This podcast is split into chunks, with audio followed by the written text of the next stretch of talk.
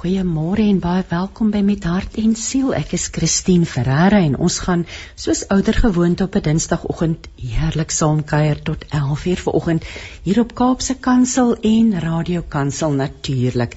Nou vandag gesels ek um, met Louise Skoonwinkel van Optimi Home um, oor 'n nuwe aanlyn skool wat onlangs bekend gestel is.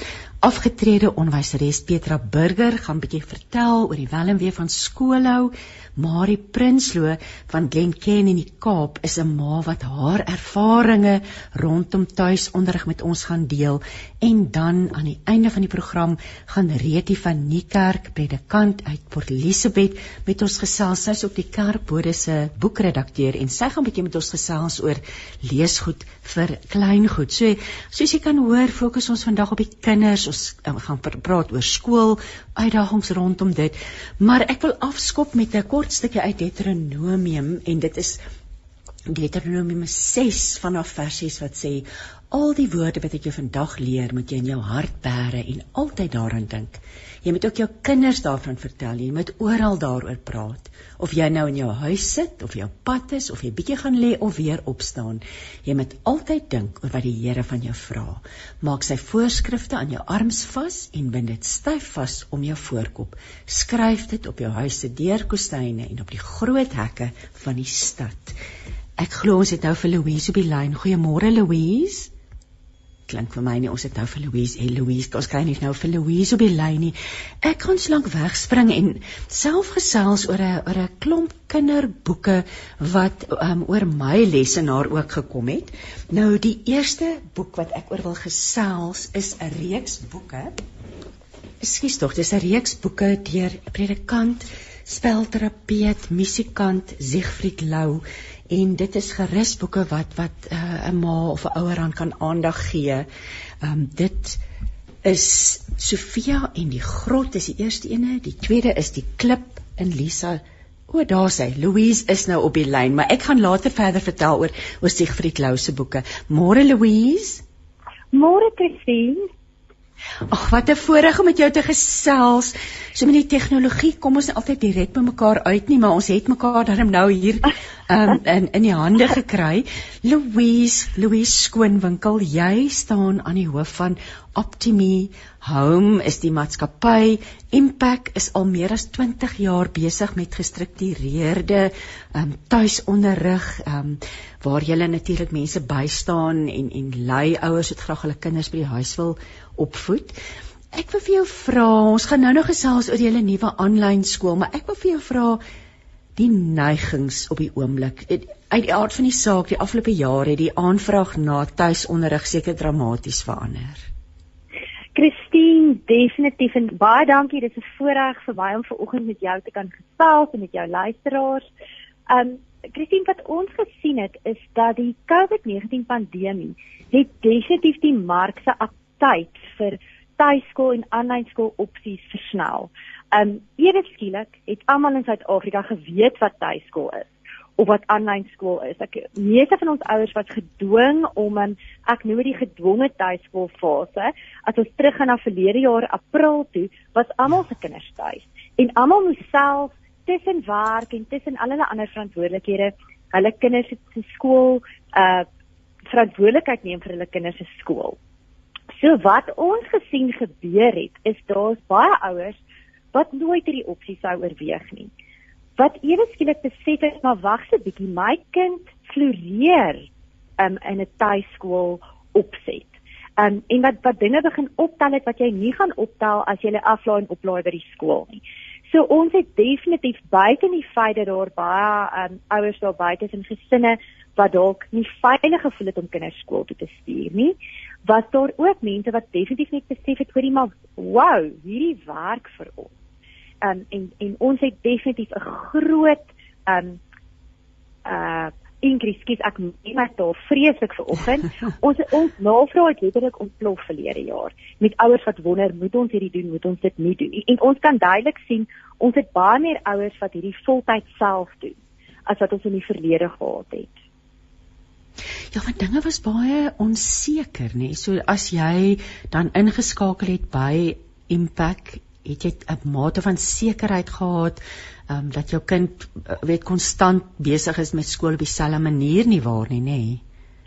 Definitief. En ek dink dis een van die voordele van iets soos 'n impact kurrikulum is dat ons volg dieselfde CAPS kurrikulum as wat in die skool gevolg word.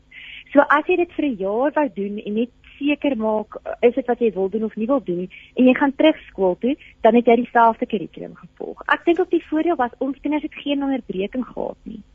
Um ten spyte van ons graad 12 kinders wat hulle skryf dieselfde NEC eksamen, so hulle het bietjie later eksamen begin skryf. Maar die res van ons kinders het op dieselfde tyd hulle toetse en eksamens afgelees wat hulle normaalweg sou doen want ons het nie jy daai jy het nie daai onderbrekings gehad van skole wat moet toemaak um weens lockdown reëls of uh COVID gevalle of enige so iets nie.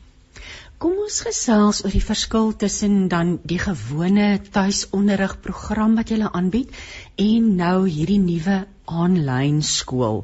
Hoe hoe werk hierdie nuwe aanlyn skool dan?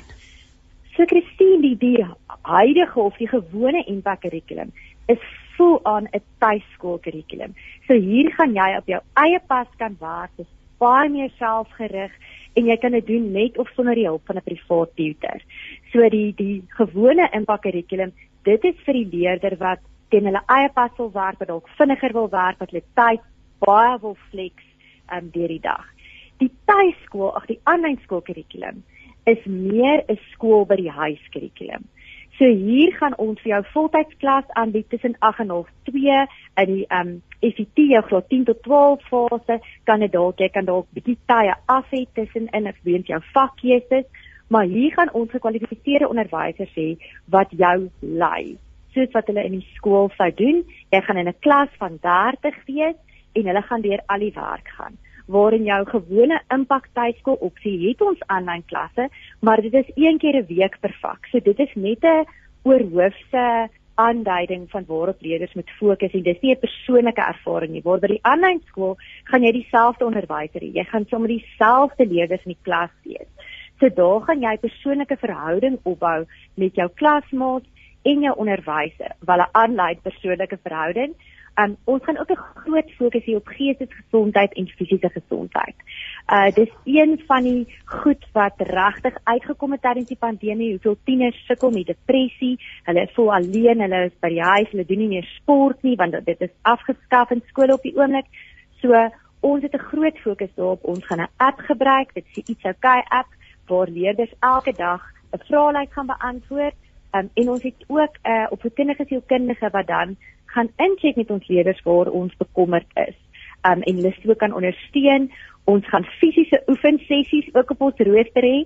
So um, leerders gaan by die huis kan oefen saam met ons as hulle sou wou. Um en ons gaan ook die geleentheid hê om aanlyn te sosialiseer. So ons het 'n klomp verskillende aktiwiteite wat ons beplan um wat ons leerders bietjie bietjie nie net laat fokus op akademie nie, maar ek dink die groot verskil is dat die aanlyn skool nog meer gestruktureerd is. So ons sien hierdie as 'n opsie vir vir iemand wat regtig nie self die tyd het om deur die kurrikulum te gaan nie, wie se kind gemaklik is agter 'n skerm, 'n kind wat dalk 'n tuiskooler is wat bietjie meer interaksie soek, gaan baie van die aanlyn skool aksie hou, uh, opsie hou. Ons ekskuus tog. Ekskuus tog. Ons leef dan maar in interessante tye. Waar het ons ooit gedink dat ons op dié manier sal skool gaan? Ek wil vra hoeveel leerders in 'n klas gaan jy beperk? Ons gaan dit beperk tot 'n maksimum van 30 leerders in 'n klas. Um, en ons gaan in Afrikaans en in Engels klas aanbied.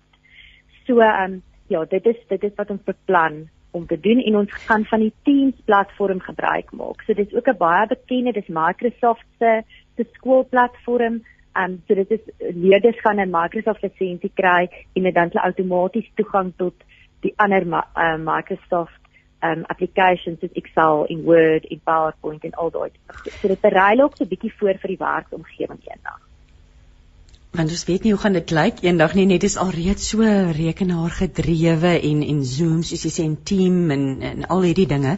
Maar ek wil nou vir jou vra Louise watter voordele hou tuisonderrig? Ons, ons hier's nou twee aspekte. Dis aan die een kant die die ouer wat die onderrig doen wat julle ondersteun en dan nou hierdie aanlyn skool.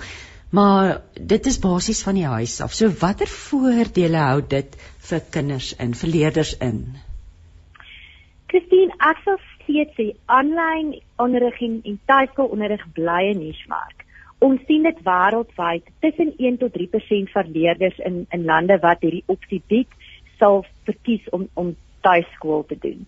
So dit bly 'n nis en ek dink dis regtig geskik vir daai kind wat nie floreer in 'n klas kom ons met 30, 40, 40 ander kinders nie. So 'n kind wat meer stilte soek, 'n kind wat meer 'n introwert is. Nie almal nie almal hou van skool nie. nie dit werk nie vir almal nie. Daai kind wat so op hulle siede wees is in hierdie klas dat ehm um, hulle eintlik nie kan fokus nie. Vir so 'n kind is dit dit is 'n heeltemal 'n nuwe ervaring. Ehm um, dis ook vir vir 'n kind. Ons het baie leerders wat ehm um, professionele sportpersone is of wat hulle eie besighede bedryf. So hulle verkies 'n meer aanpasbare opsie. Um en dan ook vir jou kind wat vinniger of stadiger wil werk. Want as jy in 'n klaskamer sit, het jy nie 'n keuse nie. Jy moet volgens die pas werk. Um self jou beste onderwyser kan nie vir almal wat daar voor hulle sit se pas die klas die lesing aanpas nie. En tuiskool het jy 'n baie beter uh geleentheid om dinge aan te pas en te fokus op dit wat vir waarmee jou kind sukkel. Die aanlyn skool gaan meer gestruktureerd wees, maar ek dink hier kom dit meer in by jou kind se persoonlikheid. So 'n kind wat wat nie floreer in 'n groot klaskamer en hou van 'n groot groep mense nie, gaan baie meer van die aanlyn skool hou. Ek ek vind dit ook as vir jou voorbeeld sê 'n goeie goeie vriendin van my het gesê haar kind was in graad 1 verlede jaar haar kind het altyd terugvoer gekry dat sy nie um deel neem aan die klas nie. En tydens hulle skool het aanlyn skool op die gebied in kwartaal 2. En ewe skielik het haar kind haar hand begin opsteek in die klas. Want aanlyn het sy vrymoedigheid gehad om deel te neem aan die klas. So dat so ek dink hierdie is regtig iets waar 'n ouer moet gaan sit en 'n kind en dink is hierdie is my kind die tipe persoonlikheid wat hierdie tipe klas kamer aanlyn gaan geniet. Um en natuurlik is daar geen onderbrekings nie. So uh dit anders as skool nou opsig en mens weet nie wat die toekoms vir ons inhou rond die pandemie nie, maar um dit is iets wat jy kan mee aangaan ten spyte van siekte of enige so iets. Ek wil terugkom, dit was my baie interessant dat jy genoem het dat jy ook deur middel van die aanlyn skool aandag wil gee aan die welstand, die emosionele welstand, geestesgesondheid. So wat beplan julle, wat beoog julle om om te bied dan vir vir hierdie hierdie aspek van 'n kind se lewe? Ja, Christine, ek dink hierdie is 'n ongelooflike belangrike fokuspunt wat ons wat ons so dikwels mis. Um so ons die app wat ons gaan gebruik het 'n daaglikse vraelys wat 'n kind voltooi en dit gee dan vir ons en vir die ouer um, 'n uh, 'n verslag aan die einde wat wat waarskuwingstekens dis opgestel deur deur en dit gee jou waar daar waarskuwingstekens. En dan gaan ons saam met 'n opvoedkundige sielkundige werk wat dan deur hierdie gaan werk en dan die kinders gaan help en net hulle kontak maak as hulle dink daar's 'n issue. Ons beplan ook om van tyd tot tyd in groepe met die kinders um waar te doen rondom hierdie. So dis dis anders as jy 'n klas het waar daar 'n klomp kinders voor jou sit, want 'n onderwyser in 'n skool kan optel. Jan lyk nie vandag lekker nie. Ja. Ehm um, en kan daai gesprek hê waar in 'n aanlyn skool op Teams al is almal se kameras aan, is dit moeiliker om daai op te tel. Ehm um, jy kan nou iemand is bietjie stiller of so en dit is hoekom ons van hierdie app wil gebruik maak en dit is ook hoekom ons ehm um, van professionele hulp wil gebruik maak om te help om te identifiseer is daar kinders wat dalk meer hulp nodig het. Louise, is nou 'n baie interessante vraag. Emmy vra, sy sê ek het 'n dogter van 11 en vanuit die vanuit COVID begin het, het sy nie skool gegaan nie. Sy het 'n onderwyser wat haar gehelp het, maar hoe kan ek haar hoe kan ek voortgaan om haar weer terug in die skool te kry? Hierdie is my belangrike vraag want daar dis vir die kinders ontwrigtend, nê? Nee, dan sit by die skool, dan sit ja. nie. So wat sal jy vir Emmy sê moet sy doen om haar dogter weer terug by die skool te kry? So ek ek dink dit is 'n moeilike vraag. Ek weet nou nie ek's nie in hulle huishouding nie. Ek weet nie hoeveel werk sy regtig gedoen het nie. Ek weet nie of daar vrese by betrokke is nie. Maar ek dink dit begin met 'n gesprek rondom is haar dogter gereed om terug te gaan skool toe. As hy as daar iets anders is wat hom verhinder om skool toe te gaan, dan kan iets soos 'n aanlyn skool dalk 'n goeie interim opsie vir vir 'n kind wees. Dan dat dit nie dadelik terug in die klas saam met saam met almal nie. Ek sou wel voorstel dat dat iemand soos dit ek weet nie watter graad sy is nie, so 11, dan sy seker hier rondom graad 4, 3, 4. Ek sou wel voorstel dat hulle net seker maak, nee, dis bietjie ouer, graad 5, 6, dat hulle voor seker maak voor sy terug gaan skool toe dat sy assesserings doen. Dat sy ja. net dat hulle net bepaal waar is sy nou? Want jy wil haar nie in graad 6 gaan sit byvoorbeeld en sy sy het agter geraak of jy sit haar in graad 5 en sy het eintlik al al die graad 5 werk gedoen. So dit is ook waar ons um iets is impak inkom. Jy kan net 'n assesseringspakket gaan koop en na die finale eksamens laat skryf um vir die einde van die jaar om te kyk waar waar trek sy nou. So ek dink dis die een aspek is die akademiese aspek en dan gaan die ander aspek uit 'n emosionele welstand aspek wees. Wat wat is die vrese rondom terug gaan skool? So dit kan nie moeite werd wees om met iemand te gaan gesels hieroor of met een van ons onderwysers by die skool. Um om seker te maak sy gereed vir daai stap. Ja, want ek dink dis dalk uh, baie ouers sit dalk met hierdie probleem nê dat dat dat dinge het so ja. verander en dinge was so uitdagend vir kinders gewees. Letty Creer van Palaborwa sê sy wil sommer net sê kinders is so spesiaal en eerlik en hulle kan regtig so vol liefde wees. So Letty spreek ook net haar waardering vir kinders hier uit. Dankie daarvoor Letty. Terug na die tuiskool, die tuisonderrig. Ek wonder altyd en ek ek glo daar is ander mense wat ook daaroor wonder is hoe behou mense die balans. Ja. Ehm um, vir al die ouer wat wat wat weet dat die hele tyd met die kind besig is. Hoe hou jy balans in jou eie lewe en in die kind se lewe as jy tuiskool ehm um, daai roete volg? Christine, ek dink dit is so 'n belangrike vraag want dit is dis een van die redes hoekom mense soms al ophou tuiskool want dit raak net te veel. Ehm um, of hoekom baie ouers dit nie wil oorweeg nie want hulle is hulle is bang vir presies wat jy nou noem. Hoe gaan dit langs hou tussen die tuigonderrig en werk? Um, so ek dink die heel belangrikste is beplanning. En dit klink simpel, maar um, dis soos met werk van die huis af en ek dink dit was vir ons almal 'n aanpassing toe ons by die huis moes begin werk verlede jaar. Dis belangrik om te beplan en om grense te stel. So dis letterlik so eenvoudig soos jy met jou dagboek gaan uitboek in terme van wanneer jy gaan incheck met jou kinders, wanneer jy sekere lesse gaan doen. So dis fyn beplanning is baie baie belangrik. Anders kan dit heeltemal oorweldigend raak. Um dan die tweede punt wat ek ook sou sê wat ons sien vir ons ouers werk. Kies 'n spesifieke area in die huis vir tuiskool. Moenie alles meng nie. Ek wil dit dit klink fantasties dat almal heeldag rondom die eetkamertafel sit en almal is heeldag in mekaar se spasie, maar dit raak kompleks vir alles jy ook van die huis af werk. Um so as dit enigstens moontlik is, probeer om dit op te spit in areas in jou huis sodat alles nie in dieselfde area gebeur nie. Um en dan dink ek die belangrikste is en ek dink dit is net vir ouers wat tuiskool, vir ons ander ouers ook. Maak seker dat jy as 'n ouer ook jou eie stokwerk het wat jy beoefen. Dat jy ook 'n breek vat van jou kinders en jou in jou huistake en jou werkstake en iets doen vir jouself Al beteken dit dit is eenmal 'n week werk ek op 'n Saterdagoggend vir 2 uur in tuin of ek hou baie van musiek en ek sit op my eie vir uur. Almal weet tussen 5 en 6 in die middag luister ek musiek in my kamer of wat dit ook al mag wees, ja. maar kies iets waar jy tyd vat vir jouself. Dan daar is 'n ongelooflike netwerk van tuiskoolouers daar buite wat mekaar ondersteun en help en dit is wat ons sien die ouers wat betrokke is by hierdie tipe van netwerke en so ondersteuning kry vind dit baie makliker. Um so sluit aan by so 'n netwerk. Ons het Facebook groepe byvoorbeeld vir ons ouers en uit dit ontstaan daar ook baie WhatsApp groepe. Ouers in areas sal sê, weet jy wat, dit is nou vakansie, ons almal vat ons kinders vir oggend bounce toe. Wie wil saamkom of ons gaan na die botaniese tuine toe. Wie wil saamkom? Um En dan natuurlik telefoon op en praat met impak. So ons het 'n akademiese span wat kan raad gee. Um dis ook baie keer ouers voel oorweldig met die kapkurrikulum is 'n volkurrikulum. So al het ons 'n aanlyn platform met lesskedules en al daai goed, dit raak partykeer net vir 'n ouer oorweldigend. So moenie alleen daaroor wonder nie, kontak ons dat ons jou help. Dis hoekom ons hier is. Dis dis deel van hoekom jy ons kies.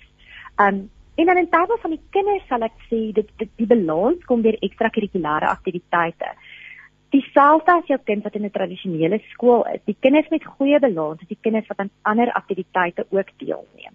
En ons sien dit met ons tuiskolers, um, hulle het soms meer tyd vir ander aktiwiteite want hulle kom vinniger deur hulle skoolwerk. Um, en dit gee hulle daai blootstelling aan maat en interaksie. So ons tuiskolers, jy kan besal enige sport by 'n klub beoefen. Um, daar's baie kultuuraktiwiteite daar buite waar kinders by betrokke kan raak en dan sien ons ook ons tuiskolers vir groepe dan maak hulle byvoorbeeld 'n robotics klub en dit een keer 'n week by iemand se huis of hoe dit nou ook al sy of studiegroepe net om daai bietjie balans en interaksie en iets wat anders is as ons gesin in isolasie by ons huis die hele tyd um, te wees. Maar ek het, ek sê dit sal my raad wees vir die balans Hier's nou 'n vraag, Louise. Um, iemand sê: "Môre my sissies en Jesus, wat 'n interessante gesprek." Ek onthou ons jongste het skool gehaat want hy was geboelie deur onnies en maats. So ja, hierdie glo ek is die antwoord. Ouers weet soms nie eens hulle kinders word geboelie nie. En ek sê onnies word gebore. Jy dit is iets wat jy gemaak word nie. En dis Jesus liefde van Mandy af ja, kinders wat ongelukkig in die gewone skool is uit die aard van die saak, wat sê jy? Tuiskool is die roete vir hulle om te volg. Definitief. Ons sien dit jaar op jaar wat ek dat 'n kind se punte sommer met 20% verbeter omdat jy nie daai emosionele stres het nie. Soos ek gesê, dit is 'n tuiskool is 'n dit is 'n dit hang van van kind na kind en gesin na gesin af. So jy moet regtig Ons het gesinne waar een of twee van die kinders by skool en die ander is in 'n tradisionele skool. Want dit hang van daai spesifieke kind se behoeftes af. Maar 'n kind wat elke dag geboelie word, kan nie konsentreer in die klas nie. Ja. So dit is 'n baie goeie iets is die aanlyn skool, is 'n baie goeie opsie vir so 'n kind. Um want outomaties haal jy daai uit en jy kan ook dit self doen vir 'n paar jaar en dan sê okay, kom ons probeer weer 'n tradisionele skool. Net dat daai kind se selfvertroue opbou. Jo, ons gaan nou nog gesels met 'n ma wat al jare lank tuiskool so dit um, dit gaan tuiskool hou, skool hou by die huis. So dit gaan baie interessant wees om te hoor wat sy sê. Sommige so ter afsluiting dalk um, raad en wenke aan ouers vir dit oorweeg. Wat nie seker is moet of moet ek nie. Wat is die dinge wat hulle besluit so bepaal? Jy het nou genoem kyk na jou kind. Ehm um, wat jy weet se karakter, watter ander faktore speel 'n rol om hierdie groot besluit te neem? Ek ek dink ook dit is 'n gesinsbesluit. So die gesin moet saamstem. Dit help nie as ma wil jy dit baie graag doen. Jou kind wil glad nie en jou man wil ook glad nie. Want by tye gaan albei ouers dalk moet moet uithelp nie. So ek dink as 'n gesin moet almal ook sê, okay, ons ons is happy, ons gaan hierdie probeer. Ehm um, en dan doen jou navorsing daar's baie kurrikulumverskaffers daar buite. Weens die die tyd waar ons onsself bevind is daar baie ek noem hulle fly by night kurrikulumverskaffers dalk so gaan soek 'n verskaffer met ondervinding. Gaan kyk of hulle geregistreer is by 'n eksamenraad. Um gaan kyk hoeveel leerders hulle het. Dit gee tog 'n indikasie uh, dat mense hierdie kurrikulumverskaffer vertrou. Um praat met ander ouers wat tuiskool. Um En en onthou as jy kyk ook mooi watter kurrikulum jy kies. Ehm um, as jy iets kies soos CAPS, maak dit dit baie maklik om weer terug te gaan skool toe as dit glad nie vir jou werk nie. So hierdie sal my wenke wees. Ek dink ehm um, doen jou navorsing en en en hou by 'n kurrikulum waarna jou kind gewoond is dat daar nie te veel verandering op een slag plaasvind nie. Ten einde laaste dan waar kan luisteraars meer oor die skool te weet kom asseblief Louise. Uh gesien jy hulle kan ons bel by 0874052233. Hulle kan 'n e-pos stuur aan sales@impact dis i n p a q .co.za of na ons webblad gaan. So dis www.impact.co.za www.co.za. Um en jy sal sien op ons webblad is daar inligting oor ons gewone tuiskool kurrikulum sowel as ons um aanlyn skool kurrikulum. Kan jy net daardie nommer asseblief weer herhaal? Dis 087 405 2233. Ek wil nou 'n vraag vra, ek is seker daar's mense wat wonder en ek jy is welkom om te sê jy, jy, mense met julle direk kontak, maar hoe vergelyk skoolfondse? Waar lê julle tussen 'n staatskool, privaat skool? Hoe lyk jy het min of meer waar ja. lê julle in terme van fondse? Christine, so ons ons is goedkoper as privaat skole. Um ons is goedkoper as jou duurder publieke skool. Ons is duurder as jou publieke skool wat wat dit publieke skole te hele dit hang af nie daar's publieke skole wat glad nie skoolgelde vra nie of 'n R100 'n maand vra. So ons is duurder as daai skool, maar ek vir jou 'n idee gee. Ons um, ons fooie verskil van laergrade na hoërgrade. So uh, vir 'n graad 1 kind kyk mens na hier rondom tussen afhangende van die tipe pakket wat jy kies en die tipe boeke wat jy kies by ons. Vir 'n graad 1 kind kyk jy na tussen R4000 en R5900 vir jaar. So daar gaan jy heel waarskynlik minder betaal as wat jy by jou huidige skool betaal. In jou graad 10 tot 12 fase is dit duurder want hier is iets soos jou eksamenfooi vir die eksamenraad um, in graad 12 is, is nog 'n groter onkoste, maar in graad um, 10 tot 12 kyk jy vir jou gewone tuiskool na hier rondom R16000 met jou boeke ingesluit vir die jaar. Um, en dan kom jou eksamenfooi van R10000 wat wat bo op hierdie bykom.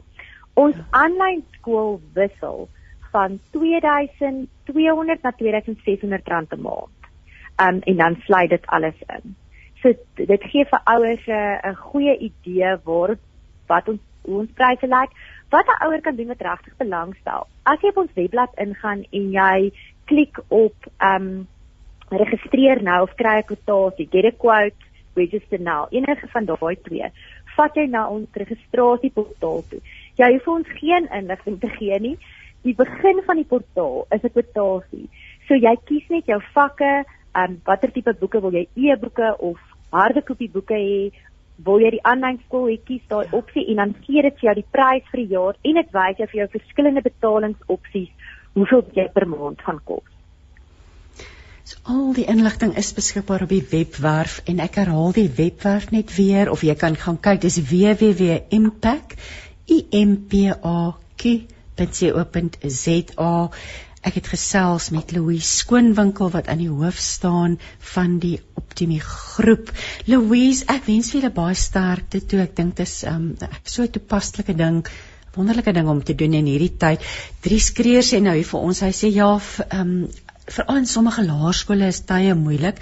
Hy sê my oorlede broer het dit baie moeilik gehad het en het die skool in graad 8 verlaat om op die spoorweg te gaan werk en hy sê my jongste seun het dit ook moeilik gehad. Hy het sy B's en sy D's omgedraai.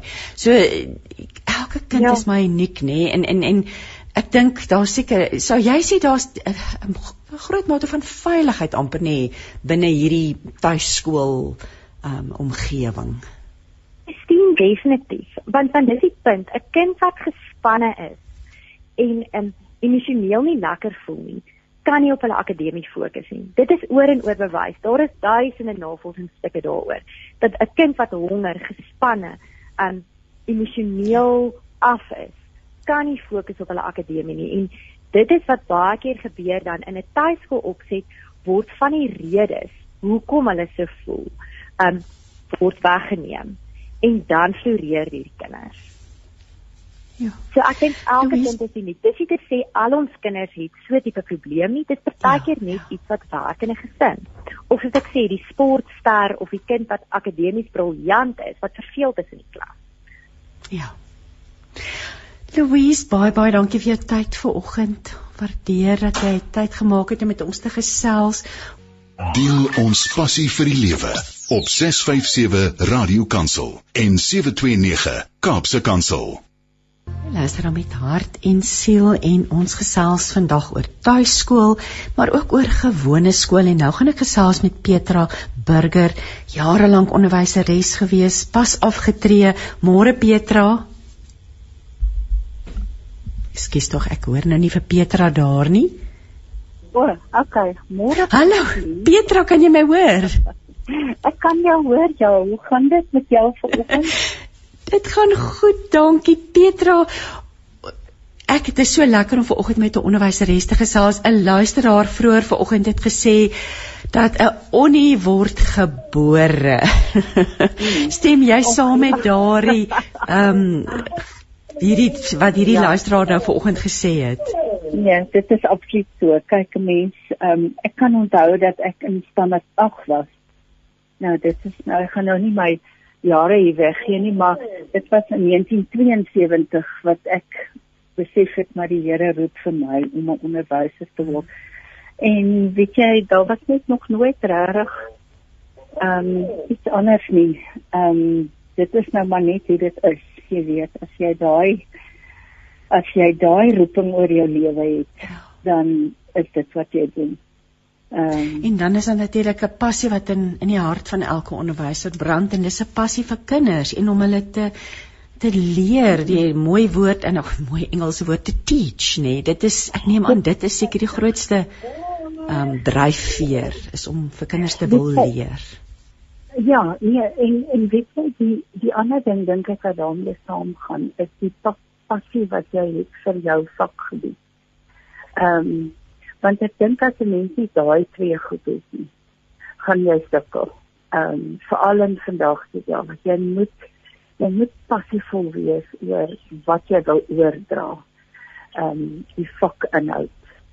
Ehm um, en en ek dink hoe, hoe groter 'n mens se passie is vir jou vakinhoud, ehm um, hoe hoe groter is die invloed wat jy het op die ou end. Ehm um, jy weet as ek dink aan aan van my leerders op die ou end het ek ook in die gasvryheidsbedryf lank gewerk en ehm um, altyd die beleid gehad van ek het se oop leer. So as jy 'n ja. koppie tee en 'n drukkie nodig het, dan dan weet jy waar jy om te kom. En ek kan onthou daar was een ehm um, dogter wat in graad 11 nou al 'n paar jaar gelede ingekom het en sy moes noodgedwonge hospitality studies doen. Dit was nou nie haar eerste passie. Maar net die verskil wat ehm um, die insaal en die inset wat 'n ou in haar lewe gemaak het. Ehm um, sy getuig openlik daarvan dat dit was vir haar 'n absolute keerpunt in haar lewe. En dit is goed wat 'n mens altyd onthou. Jy weet, ehm um, ja. Jy vergeet van die nagte deur sit en merk. Oi Petra, ek wil nou vir jou vra, jy was lank betrokke hmm. by the King School. Dis 'n Christelike nee. of 'n Christen privaat skool. Ek wil nou vir jou vra watter voordele dink jy hou 'n Christen skool vir kinders en vir ouers in? Ehm, um, weet jy op die ou end, ek kinders maar kinders, jy weet. En ja. baie keer veral in hoërskool deel hulle nie regtig meer vreeslik of hulle vra hulle eie vrae dat ek dit so sê. En ek dink die groot verskil is om vir 'n ouer om te weet jy laai jou kind vir 'n groot deel van die dag af by 'n omgewing wat die waardes ooreenstem met die waardes wat jy by die huis het. Ehm um, ek dink dit is een van die belangrike goed en dan natuurlik um, 'n mens probeer met 'n privaat skool probeer jy ehm um, kleiner klasse hê, daar's baie meer ehm um, persoonlike aandag. Ehm um, 'n mens stel baie vinnig op as 'n kind hulp nodig het. En ehm um, en uh, by 'n skool skien skool was daar 'n hele span wat wat kon help en wat kon probeer planne maak. Ehm um, ek dink dit is maar die die groot voordeel rondom die waardes en ja. die ehm um, die insette wat wat 'n ou weet daar beskikbaar is. Ja, um, dat dat godsdienst deel van die kurrikulum eintlik is nie waar nie. Ja, absoluut. Jy weet ek bedoel een van my mees mees spesiale herinneringe omdat ons 'n skool is of 'n skool ja, die skool is ehm um, klein skooltjie, voorskool, laerskool en hoërskool. En dan stap jy daar rond. Ehm um, en jy hoor hoe sing die kleintjies en hoe loof en prys hulle die Here en jy ehm um, en hulle is so entoesiasties, jy weet, en dan sien jy met die tieners hulle raak nou maar 'n bietjie skeen, skaam en onder druk van mekaar. Maar daar's 'n baie baie spesiale ek wil amper die woord gees gebruik. Ehm um, ja. Daar daar is regtig iets baie spesiaal. So ek het begin het was die skool se slogan ehm um, an oasis of love in a hurting world. En dit was nogal dit was nogal my baie tekenend van eintlik maar wat daar aangaan, jy weet. So, Petra, ek ek wil nou met jou gesels oor die uitdagings vir onderwysers mm. of van onderwysers mm. op die oomblik of hierdie jy's deur Grendeltyd, ehm um, jy het jou mm. skool mm. jy het so sê pas afgetree. Nou hoeveel jaar? Hoe lank was jy in die onderwys? Ek het al van al ek 33 jaar. So ek dink ek het nou my my my plig gedoen. ja. Maar uh, ek het vir jou vra. Yes. Nee, skus tog. Ek wil nou vir jou vra want die laaste paar jaar was moeilik vandat die pandemie uitgebreek het. So vanuit die oogpunt van 'n onderwyser, wat was die uitdagings? So wat is tans nog steeds die uitdagings vir onderwysers? Ek sê in terme van wat gebeur het met die pandemie, jy kan nou hoor dit is dan nou. Ehm um, dit was nogal vir my persoonlik 'n baie baie groot uitdaging. Want jy weet in 2000 het ek nie geweet waar my rekenaar aan te sit nie. Ehm um, so in terme van die tegnologie en die goed wat uit baie vinnig moes bykom en en nuwe nuwe vaardighede aanleer. Dit was nog baie spesifiek. En ehm um, en dan het 'n mens maar jy het maar gewandel met die lig wat jy het. Jy jy het maar gedoen wat jy dink reg is. Ehm um, op die ou end het 'n mens gesien dat die kinders wat in die klas hard gewerk het, het by die huiswerk hard gewerk. En die oudjies wat nou maar so 'n bietjie ehm um, leier gesteek het, het dit met oorgawe gedoen in lockdown. Ehm um, so en en, en toe was daar nou weer die uitdaging om om die goed uit hulle uit te kry en die werk want jy moet nog steeds assisteer en betuig ja. en al daai soort van dinge. So dit was dit was nogal erg. Ek moet vir jou sê 'n swart skerm ehm um, is 'n baie ontmoedigende ding. Want jy weet hulle sit hom af. Jy jy jy hoop maar hulle is daar en jy hoop maar hulle hoor. So dit dit was regtig ehm um, baie baie uitdagend geweest. Ehm um, en ek ek kry ek voel vir vir onderwysers jy weet die jong mense, die jong onderwysers word gebore met hierdie tipe van tegnologie in hulle hande. Maar vir die ouer ouens soos ons wat die baby boomers is, dis so ehm dit dit is uitdagend. Jy weet as se kom maar al die punte na mekaar bring.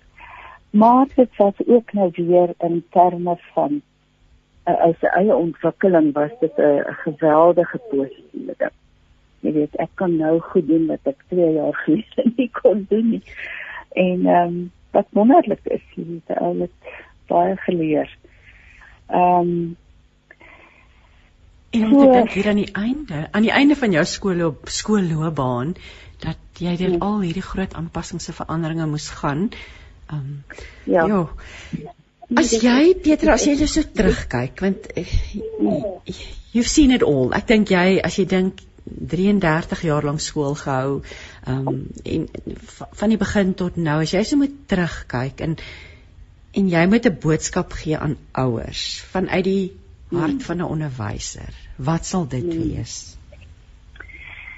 Oek, Christine, daar is so baie goed wat ek kan sê, maar die een ding wat ek vreeslik graag vir vandag se mammas en pappas wil sê, is hulle moet onthou skool is in die groot perspektief van 'n kind se lewe 'n klein deeltjie. Dis 'n dis 'n stapie wat hulle moet neem om te kan aangaan met hulle lewe. Die lewe buite die skool, buite die huis. En ons doen ons kinders geen guns om hulle te probeer oorbeskerm teen ongemak of ongerief of wat ook al. Ons moet ons kinders so leer dat hulle soos katte altyd op hulle voete land as hulle uit die boom val. Ehm um, en dis my pleidooi vandag vir vir ouers. Ehm um, jy doen jou kind nie 'n guns deur hom in blou watte te draai en nie bloot te stel aan die konsekwensies van verkeerde besluite, konsekwensies van keuses wat hulle maak. Ehm um, dis dis weet jy wat dit is vir my regtig so 'n uh, 'n uh, belangrike ding wat mense moet verstaan. Ehm um, ons sit uh, in my ervaring hierdie laaste paar jaar was kinders wat wat geen ehm um, die Engelse woord is resilient het nie. Ja. Baie min resilience het. En uh, ek dink dit is 'n ding met daai ding van ouers wat net so graag die beste en die mooiste en natuurlik wil 'n mens dit vir jou kind gee. Maar nie ten koste van die lesse wat hulle moet leer in die lewe. Die lewe is nie maklik nie. Ons weet dit almal. En ehm um, ek het 'n vriendin gehad wat altyd gesê het, "My kind, ek is vir jou verskriklik jammer. Life is tough and cruel. Deal with it." En ek dink iets daarvan ehm um, het dit ons langs die pad verloor en iets daarvan moet ons weer begin terugkry. Dit ehm um, ons sit met 'n 'n generasie wat ons groot maak wat wat die oomblik dat daar 'n bietjie ongemak of ongerief of ehm um, dit nie gaan presies soos wat hulle dit wil hê nie dan het hulle hierdie um, meltdowns jy weet en dan ja, opgooi. Ja, baie vinnig en ek dink as ouers bietjie kan evalueer waarmee is hulle besig. Jy weet, kinders moet altyd weet die ouer is in in hulle hoek. Dit dit is ononderhandelbaar. 'n Kind wat ehm um, in die wêreld of in die lewe of in die skool of waar ook al staan, moet weet my ma en my pa is in my hoek. Hulle is daar om my te laaf en en vir my vaseline op die snyte smeer en whatever. Maar maar hulle moet maar leer om die geveg van die lewe te veg. Um, So ja, dit is my die ding wat die swaarste op my hart lê op hierdie stadium. En dis 'n dis 'n kosbare boodskap en ook uit ervaring natuurlik Petra. Um al die jare by die skool en gesien hoe, jy weet hoe hoe hmm. hierdie kinders op hoe reageer hulle, wat het hulle nodig? Sommige ja. interessante 'n vinnige vraagie en en en en dan wil ek bietjie by jou hoor nog 'n paar herinneringe, maar ons het nou gepraat tuiskool uh versus gewone skool. Wat wat sou jy sê? Wat is jou mening? Jo, ehm um, ek weet nie of ek die regte een is om daaroor te praat nie. Kom ons vra my ervaring, ja. My ervaring by die skool waar ek was is dat die ouetjies wat van tuiskool af doen. Kom ek sê so, kom ek begin dan. Natuurlik is daar 'n plek vir tuiskool. Ehm um, en as as jy as jy dit wil doen as 'n ouer, maak net baie seker wat jou ehm um, motivering is. Ehm um, en as jy dit doen, sorg dat jy die beste ehm um, diensverskaffer het, die beste aanlyn skool wat jy kan kan kry om vir jou kind te help. Ehm um, daar is situasies waar dit nie anders kan nie. Maar weet jy, uh, my ervaring was dat kinders wat daardeur gekom het en dan by 'n hoofstroom skool en ons skool was baie ehm um, soos ek net nog sê, dis 'n baie ehm um, sagte omgewing as jy nou hoor wat ek sê. Ja, wat as jy ja. regtig gesukkel het om aan te pas by die rotine by die vereistes van byvoorbeeld jy moet vir 'n uur en 'n half op jou boude sit en jou toets skryf en jy kan nie opstaan en gaan koffie maak of wat ook al nie. Ehm um, wat regtig gesukkel het, wat gesukkel het met die deelword van die uh sosialisering. Ehm um, so gewone skool het sy eie issues, uh, sy eie probleme. Sy skool is het ook besigheidselprobleme. Jy weet ek sê altyd daar's nie hierdie kant van die ewigheid 'n perfekte skool of 'n perfekte kerk of 'n perfekte huis nie. En hoe gouer 'n mens daarmee vrede maak in jou en kies wat werk vir jou en vir jou kind and then you stick to your lane. Ehm um, so dis 'n ek het ek het 'n baie dualistiese uitkyk op op die tuiskool gewone skool. Ehm um, en jy het sekerlik maar 'n voorsmaakie daarvan gekry ook nou vir lede jaar met die pandemie so ehm um... Ja, weet jy kinders mis nogals uit op ehm um, op daai deel wees in 'n groep en maar jou struggles met struggle in die groep en jou vreugdes met vind in die groep. Ehm um, maar ja, soos ek sê daar is situasies waar dit nie anders kan nie. Ja. Kom ons um, gesels so ter afsluiting dalk een, een of twee spesiale herinneringe. Jy het nou al een of twee genoem, maar dit is altyd lekker om sulke stories te hoor. Ja. Weet jy, ehm um, met die ehm um, met die hospitality wat ek vir baie jare gedoen het. Ehm um, dit het my kos aanleiding gegee na 'n uh, eh, baie komiese en baie dierbare en baie lagwekkende situasies.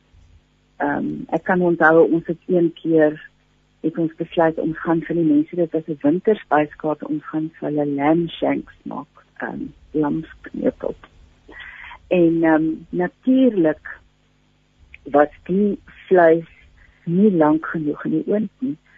En uh, ons het nou probeer ehm um, tyd spaar en tyd jy weet nog 'n bietjie uittrek en nog 'n bietjie uittrek maar op 'n stadium moes ons net eenvoudig hierdie ehm um, vleis bedien. En dit was so taai. Ek was daai aand so uit my diepte uit. Maar gelukkig het almal op die ouend ehm um, daarom saam gelag en dit vir hulle honde gevat ehm um, die bene. Ehm um, so dit was nog as 'n snaakse ervaring. Maar ook weer iets wat 'n mens vir kinders kon demonstreer daai aand. Slegte goed gebeur in die kombuis. Ek sê nou ehm jy weet daar daar gebeur daar gaan 'n glip iets loop nie reg nie en wat maak jy nou hoe hanteer jy dit hoe dink jy op jou voete hoe maak jy dit reg? Ehm um, so dit was 'n dit was 'n baie 'n uh, goeie aand op die ou. Ehm um, in terme van die Afrikaans ehm um, iets wat altyd vir my baie spesiaal is van die Afrikaans, veral in 'n tweede taal situasie. 'n ou met baie vooroordeele oorkom. En ehm um, en baie van 'n kind se ervaring van 'n spesifieke vak is maar gekoppel aan die onderwysers. En uh jy weet, moedig die kinders aan om Afrikaans te praat en gaan. En dan as hulle nou by die by my kom en hulle sê, hulle begin, dan sê hulle: "Mevrou, ek lief is vir jou dan weet ek hier kom nou 'n ding. Hier kom nou 'n uh, hulle het nou iets nodig of hulle wil nou begin vra. Dit is wonderlik, is so spesiaal en 'n uh, blye ou altyd by. Ehm um, self ja, daai kommenteer goeiemôre mevrou, dit is maar altyd baie spesiaal. Ag en ons ken almal stories. Ja, nie van onderwysers wat net so impak op kinders se lewens gehad het en kinders ja. op ou onderwysers se lewens nê? Nee? Absoluut. Absoluut. Nee, dit is Ehm um, oh, dit Petra, is 'n absolute voorreg om dit te kon gedoen het. Ag, wat 'n seën, wat 'n seën om met jou te gesels ver oggend. Ons het nou aan die einde van ons gesprek gekom en baie dankie sê vir jou tyd en ek weet daar's nog baie teach in jou oor en nou sou deesdae mos allerlei nuwe opsies. Ons het nou gehoor van die aanlyn ja. skole en die dinge. So ja, ons ek, ja. ek, ek glo en vertrou jy gaan nog lank onderwyser wees met met kinders kan deel en sommer seën vir jou ook in in in 'n mooi dag daar verder. Baie dankie Christine en vir jou ook en sterkte met jou werk en vir die inspirasie wat jy is. Ag, dankie Petra. Deel ons passie vir die lewe op 657 Radio Kansel en 729 Kaapse Kansel. Jy luister dan met hart en siel en nou gaan ons gesels met Marie Prinsloo. Marie is ehm um, staan aan die hoof van wat soos sy dit noem the Prinsloo Academy of Excellence. So môre Marie. Hi, hoe gaan dit? Goed en met jou.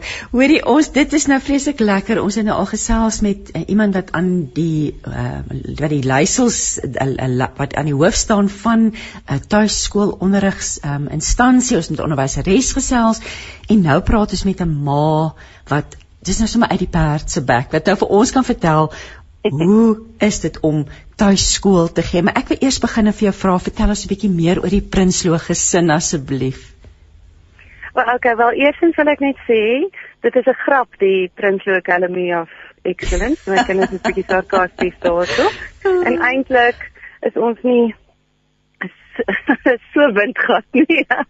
maar ja, Stefan is my man. Hy ehm um, hy's 'n rekenaars en ek is skilder en illustreer kinderboeke en goeders en ehm um, Ivan is ons oudste seun. Hy's nou 19 besig om klaar te maak met sy matriek en dan gaan hy ehm um, jy weet in rekenaars in en Marguerite is 16 en sy's besig met graad 10. Sy doen dit nou weer deur Breina en sy het hierdie jaar begin daardeur. So ons het twee verskillende sinema homeschool kurrikulums wat ons nou al gevolg het. Die meeste mense doen dit. Ehm um, jy sien maar hoe jou kind groot word en so en dan pas jy maar aan die kurrikulum wat pas by die kind en wat hulle wil word en ja, dis baie algemeen dat jy dit so raak veral in hoërskool. Laerskool is ok. En ehm um, ja, wat kan ek sê? Dis ons. Marie, ek wil nou vir jou vra wat het julle laat besluit om die tuiskoolroete te volg en dan wil ek vra hoe lank doen julle dit al? Ja, ons het begin, um, ons sou dit nooit gedoen het nie. Omdat ek gedink het dit is baie weird en ek het gedink almal wat homeschool reik na Wix so en doen weer goed en eet nie suiker nie en net molasse. Maar ehm um, so op die ouend uh, ja, van tyd tot tyd gebruik ek nou actually Wix. maar nee, um, ons het ons het begin met ons het begin met Ivan nou in gewone skool. Maar hy het ehm um, hy het baie gesukkel met separation anxiety en later het ons ook agtergekom hy is ADHD. So ek het daaroor baie afgelos vir die juffrou en alles want ek het 'n HOD. En toe op 'n tyd raak die juffrou siek en ons sou ook oor see gaan. Ons sou ehm um, Engeland toe gaan. En ehm um, langs die kort het ons begin kyk na homeschool kurrikulums en so aan en op die ou end toe die juffrou nou sê sy gaan weg wees vir 2 maande. Toe besluit ons nie genigtig. Ehm um, dis beter vir Ivan en ek moet sê daai skooltjie was ook baie ondersteunend. Hulle is eintlik vind ek skole is baie ondersteunend want hulle sien dit is beter vir 'n kind en hulle het ook laat ons hy nog kon cricket speel daarso en allerlei sulke goed. So ehm um, ag ja, so toe het ons nou maar begin en Margriet was toe nou nog klein, maar toe het ons nou maar begin met die homeschooling en nou maar gedink ons gaan nou maar so lank soos wat ons moet. En dan hou jy nou maar net by met wat by skole sal gebeur, ehm um, vir ingeval hulle moet teruggaan. Maar ja, nou is ons besig met die matriek. So ja, we made it. Ja, lang pad, maar ek wil nou vir jou vra hoe lyk dis my baie interessant. My kinders was in gewone skool so ek het ek nie regtig ervaring hiervan nie maar hoe lyk 'n tipiese skooldag in julle lewens? Wel ons dag lyk baie anders as ander homeschoolers se dag. Ek moet net sê dat net soos wat elke gewone skoolmens verskillende skole gebruik vir verskillende kinders baie keer um, in in 'n gesin ook. So is um, almal se homeschool program is anders en die belangrikste daarvan is ek kan nou vir julle sê wat ons doen maar die belangrikste is om 'n kurrikulum te soek en ehm um, uh, uh jy weet jou program te hê wat die beste pas by julle lewenstyl en wat julle alles in elk geval moet doen deur die dag. So ons in 'n begin eers het eers begin 10:00 in die oggend sodat die kinders voor die tyd tyd het om hulle eie ander dinge te doen. Ivan het byvoorbeeld dan op die rekenaar gewerk vir 'n vir 'n uur hy hou van programmering en sulke goed en jy mag nie sê dis deel van skool nie. So, ehm um, dan het ons 10 uur begin. Dan het ons nou die ding gedoen. Wat ek ook gedoen het is ehm um, as jy nou die vakke gee, ehm um, behalwe nou vir wiskunde, die Engels en al die ander stof, dan ehm um, doen jy dit vir albei gelyktydig. Um maar die jonger enetjie hoef nou net nie soveel detail te onthou soos die ouer een nie. Maar dan sal ons nou al die wetenskappe en uh Engels en so aan doen die oggend tot omtrent so vir se 2 uur, 2 en 'n half uur. Ons gebruik Google en ons YouTube en al daai soort van goed. Dan het ons nou ehm um, middagete gebruik van ten minste 'n uur en dan het ons wiskunde gedoen. So dit het uh, vir tyd keer vinniger gegaan, maar baie maal het ons dan nou nog 'n uur, uur en 'n half gespartel met die wiskunde. So dan het ons dan is ons nou uiteindelik net net klaar om in die kar te spring en dan uit te jaag na wie ewer nou weer met gaan dans of parkour of sulke tipe dinge. So baie maal as jou kop nog heel dronk van daai algebra, maar jy's reeds weer op die pad. En wanneer kry jy tyd vir skilder? ja, sien dis die Wanneer skilder jy? Wel, ek het ek het geleer om ehm um, jy weet baie te doen in 'n kar wanneer jy wag vir kinders. En ek het ook ehm um, as hulle nou die wiskunde doen en hulle sit in kou so lank en staar in die verte in, dan in plaas daarvan om net te skel, dan sit in teken ek ten minste nou die ontwerpe van my goeders en so aan. So dis baie belangrik dat jy as ma terwyl hulle nou sit en kop krap, ook iets het wat jy kan doen. Anders ja. gaan jy op jou hande moet sit en ek meen is moeilik om nie dan net mal te raak nie. So dan moet jy nou net En dan sit julle sommer lekker almal saam om die tafel en werk, klink dit vir my. Dit is min of meer so, ja. Ja, ek wil nou vir jou vra as jy moet sê die grootste voordele wat dit vir jou kinders inhou en vir julle gesin om te tuiskool? Ja, ehm um, die grootste een van die grootste voordele is omdat Ek het um opgelees en gesien dat in die ou dae of weet in die verlede het die meeste mense gehomeschool as gevolg van godsdienstige of sulke tipe redes. Maar nou is dit sodat meer as 80% van alle homeschoolers is een van die ouers ten minste in die um rekenaarbedryf in IT of sulke goed.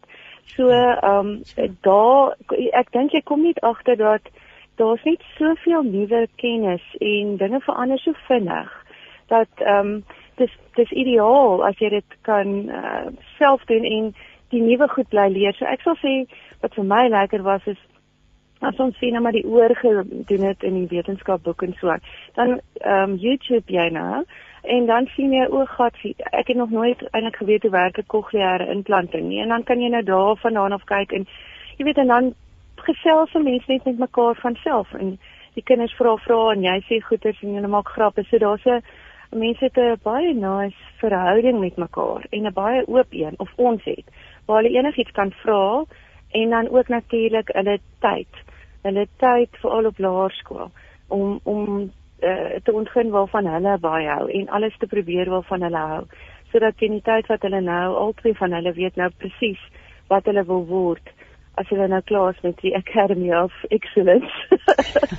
um, dan uh, ja, so Margriet wil sy kinders geword en Ivan wil uh, rekenaarprogrammeerder word. So albei het hulle goed. En en Ivan het homself geleer ehm um, Japanees lees en skryf en alles. Sonder laat ek weet vir die hele jaar het hy entoesias eers vir ons. So dit gebeur eintlik nogals gereeld sien ek. Mense dink as jy handskool dan weet jy alles wat jou kinders doen die hele tyd. Eintlik glad nie. Mens sou jy sou die kinders gestel verwag. Jy sien mekaar baie spasie. Ek wil nou vir jou vra, is daar dinge waarmee jy sukkel rondom hierdie tuiskool besigheid? Ja, daar is obviously. Ek dink ons is gelukkig van die area waar ons woon. Ons woon agter die Lensie gordyn want almal is omtrent vegan en vegetarian, maar ons is nou nie. Maar ek meen, ek uh, no judgment. Maar ehm um, daar's ons nou die boereworsgordyn vir die wat nie weet nie, uit die noorde. Dit is die noordelike voorstede van Kaapstad en dan nou hier by ons op die puntjie is agter die lensie gordyn. Maar hierso is baie greenies en baie homeschoolers. So dit is geen probleem om te socialize en om clubs te join en enige van daai soort van goeders nie. So dit is nie 'n probleem nie en ek weet baie mense sukkel met ehm um, wanneer hulle homeschool om sport en sulke tipe van goed vir die kinders te kry. Maar ons is nou gelukkig ons ons het nie daai probleem nie. Die grootste probleem dink ek is net daai gevoel van ehm um, uh, jy wonder uh, soos ek sê ten minste eenmal 'n een week gaan jy nog nie slaap nie en dan gaan jy dink genigtig. Is ek nou besig om die kinders se lewens te reunieer. Want die, jy weet, jy kan niemand anders blameer as dinge nou skeefbreek nie. Daar is nie 'n juffrou of 'n skoolhoof of 'n so iets wat jy nou voor kan kwaad wees nie, want jy is nou die juffrou en die skoolhoof. So dit is nou maar die mense ekstra doos, ag 'n ekstra ehm um, porsie dis selfdissipline nodig as jy dit doen as jy tuiskool. 'n 'n porsie wat? Selfdissipline. Ja, ek dink so, ehm um, want Maar ek dink ook dit gebeur sommer van self as jy dit nie gehad het nie, maar jy moet jy moet ehm um, 'n sekere tyd hê wat ook al julle tyd is. Ek meen ek het vriendinne wat 8 uur begin dan hulle 12 uur klaar. Dan werk hulle maar kinders werk obviously soos blits en dan ehm um, doen hulle net 4 dae 'n week homeschool en dan op 'n Vrydag doen hulle net alle sporte en goed. So ja, jy moet iets jy het daai dissipline nodig as jy nog iets anders wil doen behalwe 'n tuiskool mamma wees as jy wil skilder of as jy nog iets anders wil doen, dan beter jy jou dan beter jy dit tune. Dis die korrekte Ja, en het, en en ek en die gesinsdinamika, dink jy julle is nader aan mekaar omdat julle meer tyd saam spandeer? Ehm um, hoe hoe beïnvloed dit die gesinsdinamika die tuiskool? Wel, omdat my man in die rekenaarsbedryf is, ek nou dat dit COVID is werke van die huis af, maar voorheen het hy nou nie. En in die rekenaarbedryf werk hulle baie baie lang ure. So, um, ek het eers laat aand by die huis gekom. So, omdat ons getuieskool het, hoef die kinders nie super vroeg in die bed te kom nie. So hulle kon hom nog sien in die skeuier en goed al kom hy sien hom maar eers 9:10 uur by die huis baie keer. Verstaan? So dit was ons groot groot voordeel en ek sien dit is 'n 'n groot voordeel vir baie mense wat tuiskool. Maar ja, ons is naby aan mekaar, maar ek het ook baie vriende wat gewone skool het en hulle is net so naby aan aan hulle kinders. Ja. So ek dink nie regtig jy kan sê homeschool bring jou nader aan mekaar nie. Ek dink dit moet super erg wees as jy homeschool en jy hou nie van mekaar nie. Ja. Horrible. Groot uitdaging. Marie, as jy nou 'n paar lesse kan deel wat jy uit ervaring uitgeleer het. Julle is al so lank hiermee besig en Dit klink vir my met redelike sukses. Um, ek weet die kinders het jou oortuig om die onderhoud te doen. Ehm um, ja. so so hulle ondersteun vir ma, maar ek wil nou vir jou vra lesse geleer uit hierdie ervaring wat jy met ons luisteraars kan deel vanoggend.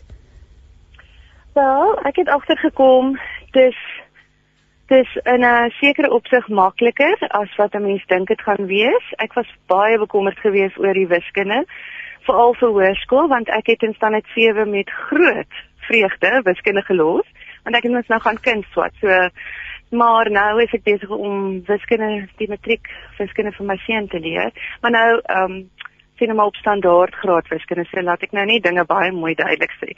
Maar ja, maar mens kry dit reg, jou brein bly groei. So mense is eintlik in staat tot veel meer as wat jy dink. En jou maar jy moet goed wat jy moet as jy wil homeschool, dan moet jy nogals lief wees vir lees, dink ek en navorsing want dit gaan vir jou dan maak die hele proses lekker. En dan het ek geleer dat jy het 'n ondersteuningsstelsel nodig. Jy het nog 'n paar mammas nodig wat jy kan bel om te sê, "Joggie, ek weet nou regtig nie meer nie. Dit is nou te erg." en dan sal ek ja. ook sê, ehm um, kinders sal vir jou sê as hulle wil homeschool. My kinders wou homeschool en ek weet daar's baie mense wat snaaks genoeg later eers begin homeschool het want hulle kinders het gevra daarvoor. En baie mense doen dit actually net vir 'n jaar of wat en dan voel die kind weer sterk genoeg en dan gaan hulle weer terug. Maar ehm um, daar is daar's daar's baie ondersteuning. Regtig waar, daar is baie ondersteuning en ek dink die is daar die lewe so verander dat niks is regtig meer super weird nie. En mense baie meer uh, ek weet nie wat se Afrikaans die genade, grace met mekaar of dis wat ek dink. Um om ja, nou maar 'n ander pad te loop. en as jy iemand sit en luister vandag en wonder, moet ek of moet ek nie? Wat dink jy is die bepalende faktore net vanuit jou eie ervaring? Gewoonlik werk goeders net so saam dat jy amper nie kan nee sê nie, maar obviously sal ek sê jy moet net maar tussen jou en die Here die ding uitsorteer. En verkies, dit help baie as jy mekaar se stemme goed ken. So as jy by die Here kan hoor en jy weet dat jy weet dit is die pad, dan maak dit baie baie baie beter. En dan as jy deur die twyfeltye gaan dan dan kan jy onthou wat hy vir jou gesê het en gewys het. En elke ou, ek meen, elke ou se verhouding met die Here is anders, maar as jy wil, hy's altyd daar, reg om met jou te praat. Almal hoor hom net op verskillende maniere. Maar as jy hom sê jy's oop om te hoor, hy sal vir jou sê. En dit is nie vir elke liewe mens om te homeschool nie, dis nie 'n moet nie. En dis is ook glad nie hemel nie. Hierdie kant van die hemel is niks hemel op aarde nie. Daar's daar gaan daar's maar net soveel dingetjies soos wat daar is met gewone skool. Behalwe jy hoef nou nie by die bazaartafel staan nie. ja, en en natuurlik jy hoef so skool toe te ry in die oggende en dis my heerlik om te hoor hoe julle 10 uur begin. Die kinders doen eers 'n paar ander aktiwiteite in die oggend. So Ja. Ja. En ja. en, en ons het nou nou net so bietjie geraak aan dissipline. So jy as ouer moet weet waarvoor jy jou inlaat as jy hierdie roete kies. Ja, en jou kinders sal ook vir jou wys en ek het ek is gelukkig. Ek het baie oulike kinders, maar regtig nou. Hulle wou dit doen en hulle is oulik. Ek weet jy hoef nie jy hoef nie maar daar is daar's ander situasies en ek weet 'n vriendin van my het altyd toe hulle klein was, het sy gesê as hulle sy die klokkie ry, hulle het klokkies gehad. Ek gil sommer net, jy weet. Appear hulle, verskyn hulle nie. Maar sy het gesê net maar uh, hulle het so hulle kalendertjies gehad en elk almal wat betyds opdaag as die klokkie lui, kry jy 5 sent of 'n ding. En dan kry hulle nou hulle geld aan die einde van die maand. Ek dit was nou jare terug, toe was 5 sent nog amazing. Maar ehm um, jy verstaan, sê jy moet nou maar so werk met jou kinders en hoe jy hulle moet kry. Ja, ja jy verstaan wat ek sê. Jy weet mos hoe dit nee, werk. Party verhoudings gaan net nooit homeschool nie. Ja, maar daar ja. is dan ook ander opsies. Daar's Brainline, ehm um, wat Margriet nou doen, sy het nou oorgegaan daarna. En ek het sê ons het wiskunde mos fight club genoem want ek kan sê sou nie daarvan om verduidelik voor te word nie. En dan moet ek nou vir die wiskunde leer en sy wil nie want sy wil dit self doen. So nou het ons vir Brainline en dan kan daai juffrou net maar vir dit verduidelik. En sy geniet dit. En daar is ander kinders wat ook jy weet met wie sy nou begin vriende raak het en so dit hoef nie om te homeschool beteken nie net die mamma moet die juffrou wees en alles nie. Jy kan ook hierdie hierdie online ehm um, ouens gebruik. En hulle is baie goed. Marie, ek moet sê jy, dit klink vir my na 'n baie vrolike huishouding en dit klink vir my of jy baie pret het en ek wil sommer vir jou seën toewens en dit is so lekker om te hoor dat jy ook kinderboeke illustreer en kan aangaan met jou kuns en en en dit is my baie interessant wat jy gesê het jy sit en nou jou hande besig 'n lekker wenk. Ja. As mens dalk net moet kyk hoe jou kinders se huiswerk sit en doen. Ja, nee nee regtig. Ek ek hekel komberse. Dis my groot groot pointer is leer jekkel of iets van jy dit hou jou besig. Besig. O, oh, Marie.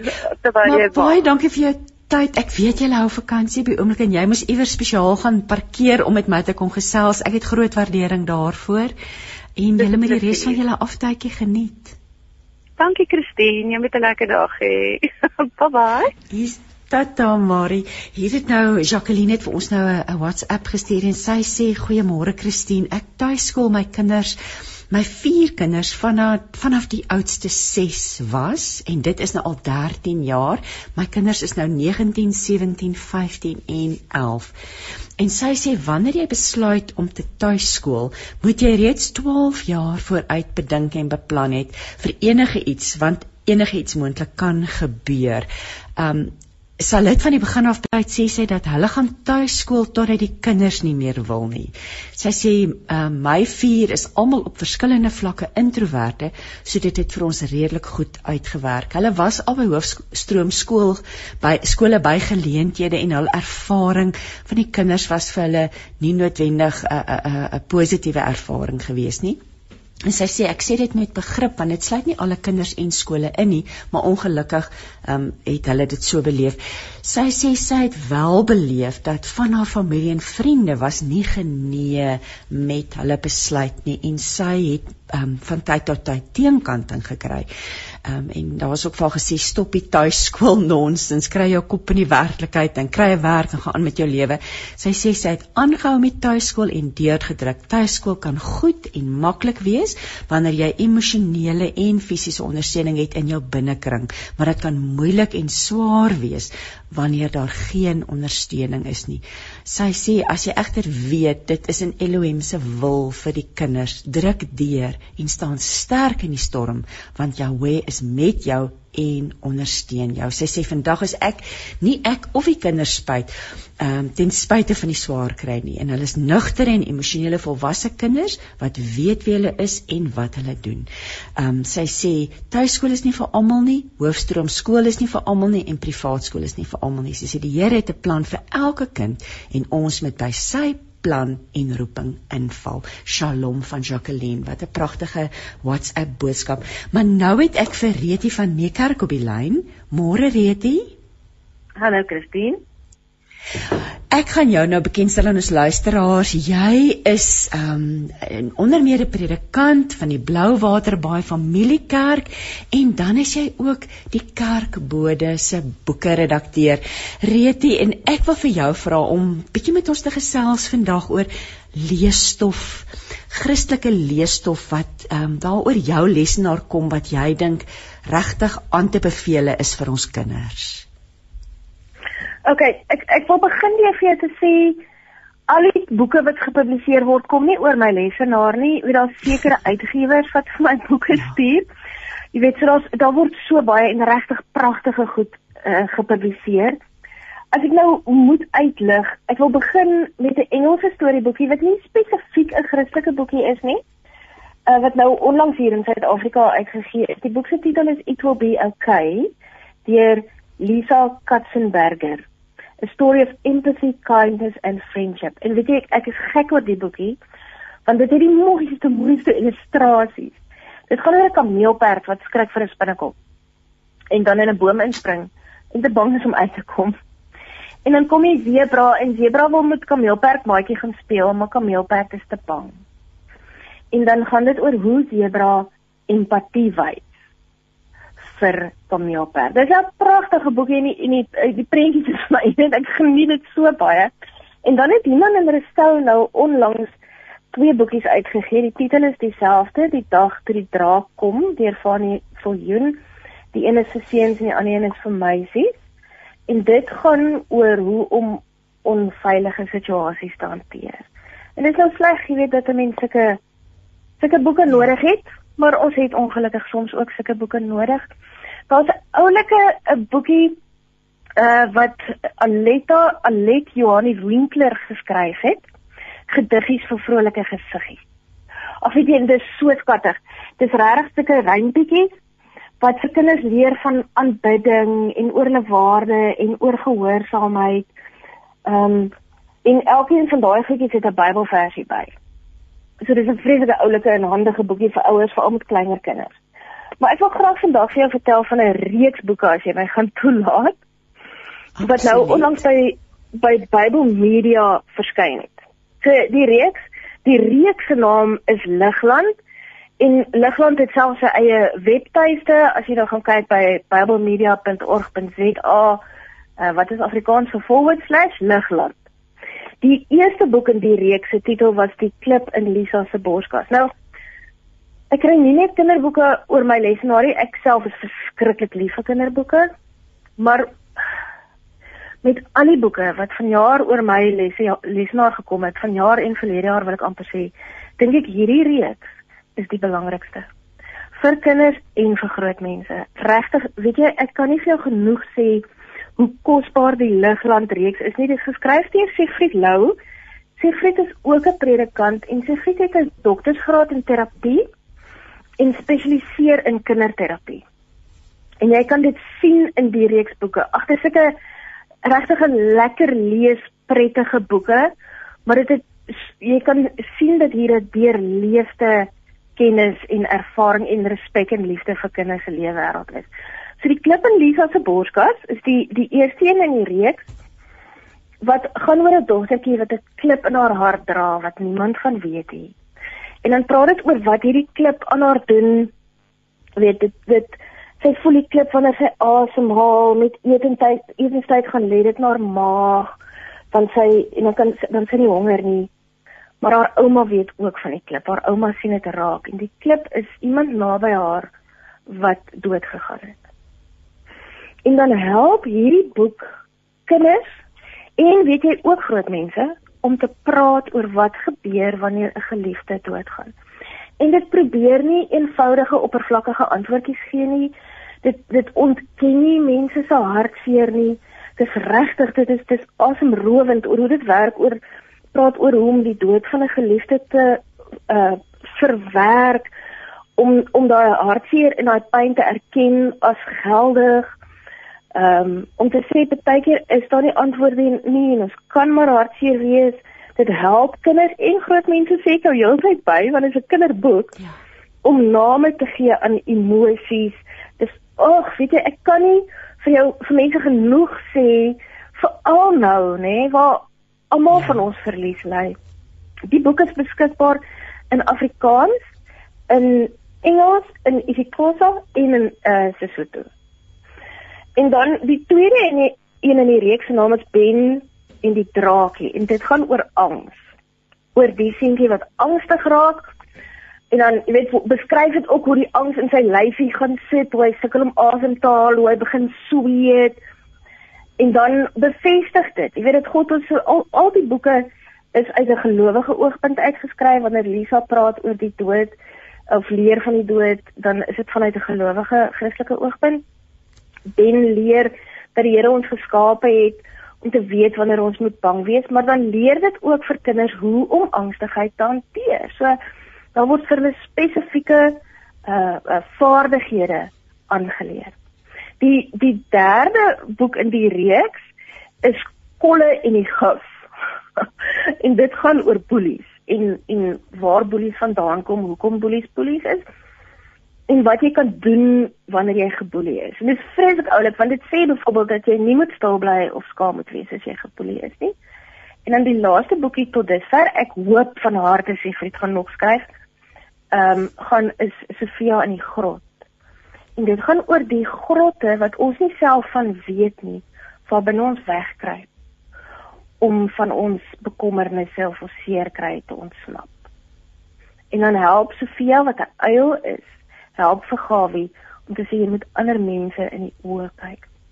Weet jy hierdie boeke is so dis 'n lekker lekker boekie, maar dit is ek dink vir die vir die trauma wat ons almal kollektief op die oomblik beleef. Ja. ja.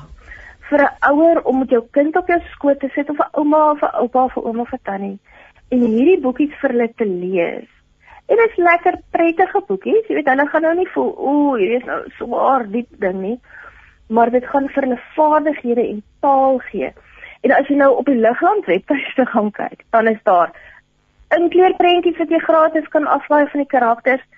En wat ek die meeste van hou, is daar is poppe. Daar's patrone, so jy kan poppe maak van Lisa en van Pen en van Kolle wat die hond is wat vir hulle leer van die gif wat boelie spoeg. En dan kan hulle, jy weet, met die poppe speel en jy weet mos dan met kinders dit help hulle om bietjie ekstern hulle emosies te verwoord. So regtig van al die boeke ek voel en en jy weet kerkbode is deel van Bybel Media. Maar dis nie hoekom ek dit sê nie. Ek voel as jy vanjaar een boek koop, dan moet dit deel van hierdie reeks wees. Dit is dit is so 'n ja. pragtige opmerking. Ek sit nou met die vier boeke in my hand uh, hierso en, okay. en en ek beamoen wat jy sê. Dis vir my ook pragtig agterin. Byvoorbeeld, jy het nou gepraat van um, Sofia in die grot. Is daar byvoorbeeld ehm um, riglyne. Wat kan ek doen as ek in 'n grot is of iemand vir wie ek lief is is in 'n grot? Wat kan ek doen? Want ons kinders het net so swaar gekry hierdie laaste uh, amper ag ons gaan al jare en 'n half langer as 'n jaar en 'n half en is wonderlik dat Siegfried hierdie goed aanspreek. En ja, ek ek wil ek regtig met jou saamstem. Reet hierdie ek het net so 'n ander vraag wat nou in my gedagtes opkom kerke is deur oppe en affe. Dan is dit oop, dan is dit toe. Oh, ek wil nou by jou hoor Sondagskool, Kinderkerk. Julle kerk het so 'n mooi naam, Blouwater Baai Familiekerk. In Port Elizabeth, jy die die nuwe naam van Tebega, jy het dit so mooi gesê. Hoe weet julle wat het julle rondom kinders gedoen in hierdie tyd wat ons so moes aanlyn kerk of kon nie nou en dan kerk hou? Wat het julle rondom die kinders gedoen? Ja. Weet jy, ek wil ehm um, eintlik vir jou vertel wat ander gemeentes gedoen het want ek meen daar's sulke gemeentes wat sulke wonderlike goed gedoen het. Ek weet van my vriendinne het 'n 'n besigheid begin waar hulle ek weet nie of jy daarvan weet is eintlik baie relevant nou vir jou program vandag waar hulle families 'n boks gee. Dan is ek nie seker wat die wat die uh, besigheid se naam is nie. En in die boks is daar dan hulpmiddels rondom 'n tema. So daar's ek weet in een is daar resepte met bestanddele dat hulle kan brood bak terwyl daar 'n gesprek is. Ehm um, ek weet daar's daar's een oor vuur en een oor brood en dan is daar 'n hele reeks huisgodsdienstmateriaal met aktiwiteite. So ek weet baie gemeentes het sulke goed gedoen. Ons gemeente het het bepaalde beperkings. Ons is nie 'n baie groot gemeente nie en nie almal het toegang tot data en internet en sulke goed nie. En jy weet ons het ook nogal agtergekom ouers is oorweldig. Ek ja. wonder of ouers wat aan wat reeds kinders by die hoërskool gegee het nie beter gerad was nie. Maar kind ouers het nou gewoond was my kinders het hierdie dag by die skool en ewe skielik moet hulle al hierdie goeters doen. So ons het probeer daar 'n uh, eh, uh, eh, Bible Media het 'n app vir vir kinders vir uh, kategese Ons het dit probeer, ons stuur vir hulle materiaal uit, ons stuur vir hulle videoetjies uit. Uh jy weet net probeer nou maar allerlei verskillende goed. Ek weet hierdie hierdie stelsel van uh bokse baie gemeentes het sulke bokse gemaak en dan hulle amper soos 'n karnaval by die kerk waar almal kom haal dan die hele hele maand of hele kwartaal se aktiwiteite wat hulle dan elke Sondag of elke week kan doen. Maar ons vermoede is dat dit ouers sukkel om daarby uit te kom. En ons is bekommerd oor skerms. Dis byvoorbeeld hoekom ek hou van Siegfried se Sofia in die grot dat die dat die grot 'n skerm is.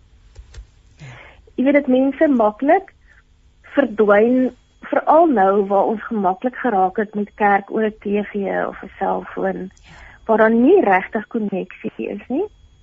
En ons vind nogal dat dat ouers met kinders sukkel om terug te keer na na erediens waar ons saam is dat dit gemakliker is om agter 'n skerm te bly. Dink jy dit gaan verander? Dit, dit sal tog seker stappie vir stappie. Ek weet ons mag nou weer terug gaan kerk toe. So dit is sekerlik 'n uitdaging binne 'n gemeente want dit is belangrik dat die woord van God ook op op, op die kinders se ek weet nie sê hulle vlak nie man hulle oorgedra word op op 'n manier wat hulle dit gaan verstaan. Maak dit jou bekommerd, Emretie? Ja, weet jy baie, kyk mense sê altyd kinders is die kerk van die toekoms en dis mos nie die waarheid nie. Hulle is mos nou reeds kerk. Ja. Hulle is reeds deel van die gemeente en ons kan ook by hulle leer. So wanneer wanneer ons nie kinders in kerk het nie, dan dan mis ons so baie. Ek meen ons leer ek sê net vir ek is lief vir kinderstories want ek leer baie by kinders. So ons is bekommerd dat dat mense nie gaan terugkom nie. Aan die een kant is dit sekerlik 'n suiweringsproses, maar aan die ander kant, jy weet, ek sien mense kry swaar. Ek sien mense is depressief, ek sien mense het nie die emosionele vaardighede om dit goed te hanteer nie. En dit voel vir my die een ding wat jy het, is jou geloof, is jou verhouding met die Here, is die geloofsgemeenskap. Maar dit is een van die eerste goed wat mense laat vaar, so dit is regtig ek lê in die nagte wakker daaroor. Die ander ding is natuurlik wat ek dink die kerk bietjie selfrefleksie moet doen is dat ons geloofsonderrig van ouers weggeneem het. En gesê bring jou kind vir ons en ons sal vir jou kind geloof leer. En dit mos nie hoe dit moet werk nie. Geloof word by die huis geleer. Waar ouers die geloof leer dag na dag en die kinders dit dan aan die tafel in die aand as ons gaan slaap, deur die dag en hoe ons praat en hoe ons met mekaar leef, dit leer ken. So my passie is dat ons ouers moet toerus, dat ons die ouers moet help om hulle geloof vir hulle kinders te kan leer. In aggenome dat ouers oor, oorweldig is. So ek wil nie mense beskaam en 'n skuld las op hulle laai en sê julle doen nie goed genoeg nie. Ek wil langs hulle staan en vra, "Hoe kan ek jou help?" sodat jy hierdie hierdie tyd kan oorleef en jou kind weerbaar kan maak en kan leer om God lief te hê en te vertrou ook in die tyd. Ja, so in isolasie nê waar ons so gewoond daaraan was mm. om saam te kom en koffie te drink na kerk en die kinders speel en ek het nou 'n ander vraag wat nou in my gedagtes opkom. Ek weet ons het beplan om oor boeke te praat, maar die kerk speel ook so groot rol in terme van rituele in 'n gesin. Ek ja. ek kyk net aan die doop, ek dink aan die nagmaal. Hoe het julle dit hanteer in hierdie tyd wat ons nie mag kerk toe kon gaan nie? Is is kindertjies gedoop? Daar was soveel begrafnisse. Hoe het julle dit hanteer? Ja, weet jy, ehm um, weer eens dit jy weet dit was was soms nou maar van konteks na konteks. So Ehm um, ek is ek is nuwerig in hierdie gemeente waar ek nou is. Ek het Januarie eers hier begin. Wat ook mos nou moeilik is want ek kon nou nie ja. almal lekker leer ken soos wat ek wou nie. Maar ons probeer nog steeds, ek weet met nagmaal mense probeer oor skerms en sê hou jou goedjies by jou en dan maar dit 'n nagmaal is mos 'n gemeenskapsmaal. So ons het sulke vooruitgepakte stelletjies uh, gekoop sodat ons saam kan nagmaal hê met die mense wat wel by die kerk is en ons gaan nou begin doop hê en dan was behoefte van mense wat gesê het maar kan ek nie die doop by die huis doen nie. En ek het hulle gesê kom ons probeer ons bes om julle te akkommodeer so ver as moontlik om veilig te wees, dat daar plek is vir die hele familie. Maar jy weet met met die doop dit is 'n geloofsgemeenskap. Jy jou kinders raak deel van hierdie gemeente. Hmm. Kom ons kom ons doen dit as deel van die gemeente se aktiwiteite.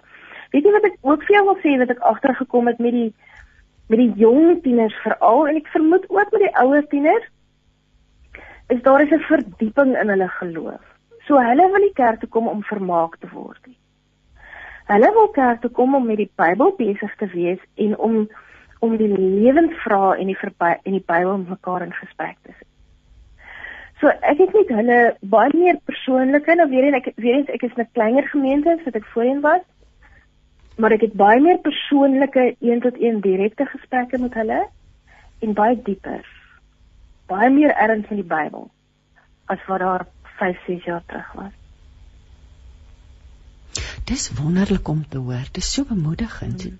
Soos jy sê, mense sê die kinders is die kerk van die toekoms en hulle is die kerk nou, maar hoe wonderlik om te dink dis ons volgende generasie leiers wat graag 'n so diep verhouding met die Here wil hê. Ja, ja. Ja, nee, ek wil regtig ek ek wil erkenning gee vir die feit dat ek ek besef, jy weet, ouers soos wat ek as 'n predikant bediening moet herontwerp in 'n wêreld wat ek ken nie, moet ouers hulle kinders deur deur goed begelei wat niemand van ons sien kom het nie. En gaan self deur krisisse en vra vra. En ek dink weet as kerk en dit is definitief waar van enige Christelike kerk dat ons wil graag langs ouers staan en hulle begelei en hulle help en nie beskaam nie want ons besef dit is moeilik vir almal van ons. Jy staan weer terug by die belangrikheid van hierdie boeke want ons is nie altyd in mm. staat om ons kinders te help nie en en en dit wat ons na toe ons gewend het is nie noodwendig meer daar nie. Ek het nou nog 'n interessante vraag vir jou Reti. Hoe het dit gekom dat jy by die boeke wêreld betrokke geraak het en die boeke redakteur van van Kerkbode geword het? Ehm um, gits, ek weet nie. ek het nie gelees. Ek, ek ek is ek is gelukkig het ek lees. Weet jy in in sommer net 'n heel ander storie. My ouers is in Kaap en hulle vertel eendag vir my hulle ontmoet iemand daar wat sê hulle moet nou terug aan PE toe van die kinders wil by die kerk kom want hulle wil die storie tannie gaan luister. en dit toe nou ek Wat vir my 'n verskriklike kompliment was, ek het nie gehou daarvan dat my tannie noem nie. maar ek is lief vir stories. Ek was nog altyd lief vir stories en ek was en ek is lief vir lees. So ek neem aan die mense by die kerkpore het het gesien dat ek lief is vir lees en ek hou van skryf. So wat wat nou maar gebeur is ek ek hou 'n oogie op watter boeke uitgegee word en bring dit maar onder mense se aandag. Wat 'n lekker werk. So jy kom kombineer al die passies in jou lewe. Ehm um, jy sê jouself 'n ma, so jy jy, jy ken ken ken al die die ins and outs van wat kinders nodig het. Ja. En ek wil nou by jou hoor, ons het nou gesels oor die die, die boeke. Is daar dalk Ons het spesifiek baie oor die kinders gesels. Is daar dalk een of twee groot mensboeke wat wat vir jou uitstaan op die oomblik? Hmm. Wat vir my uitstaan op die oomblik, weet jy, dit is nou vir my 'n moeiliker vraag om te antwoord want ek lees die groot mensboeke as 'n dominee, né? Nee? So ek gaan nou meer vir jou kan ja. sê, okay, hierdie is nou 'n lekker dominee boek wat jy kan lees. of so so daar wat daar nou onlangs 'n boek uitgekom wat nou miskien nie heeltemal 'n dominee boek is nie. Ehm um, Jesus leierskap is die boek se titel. Oh, van Rudolf Botha, ja. Yes, yes, daai ene. Nou dis nou nie net vir dominees nie, maar ek dink daai boek is 'n goeie goeie boek om op die oomblik te lees. En dan nog 'n ander boek van Bybel Media is Glo Stories met Dana Snyman onder andere en Nadia Maree. Ag hulle het elke uh, keer so kort uh, stukkies in die kerkwoorde en dis 'n samevatting daarvan. En dan het daar onlangs, ek is ook uh, passievol oor die oor vrouens en vrouens in ons land spesifiek en Bettina Weingart het 'n boek uitgegee Onverskrokke vrouens. Uh wat regtig 'n uitstekende oorsig is rondom sy is spesifieke regsgeleerde, so daar's oorsig rondom die die regssituasie van vrouens in Suid-Afrika, maar sy verbind dit telkens aan wat in die Bybel aangaan en hoe ons die Bybel lees en so. Wat ek dink 'n baie goeie inleidende boek is as ons gesprekke wil hê oor vrouens in Suid-Afrika heel spesifiek.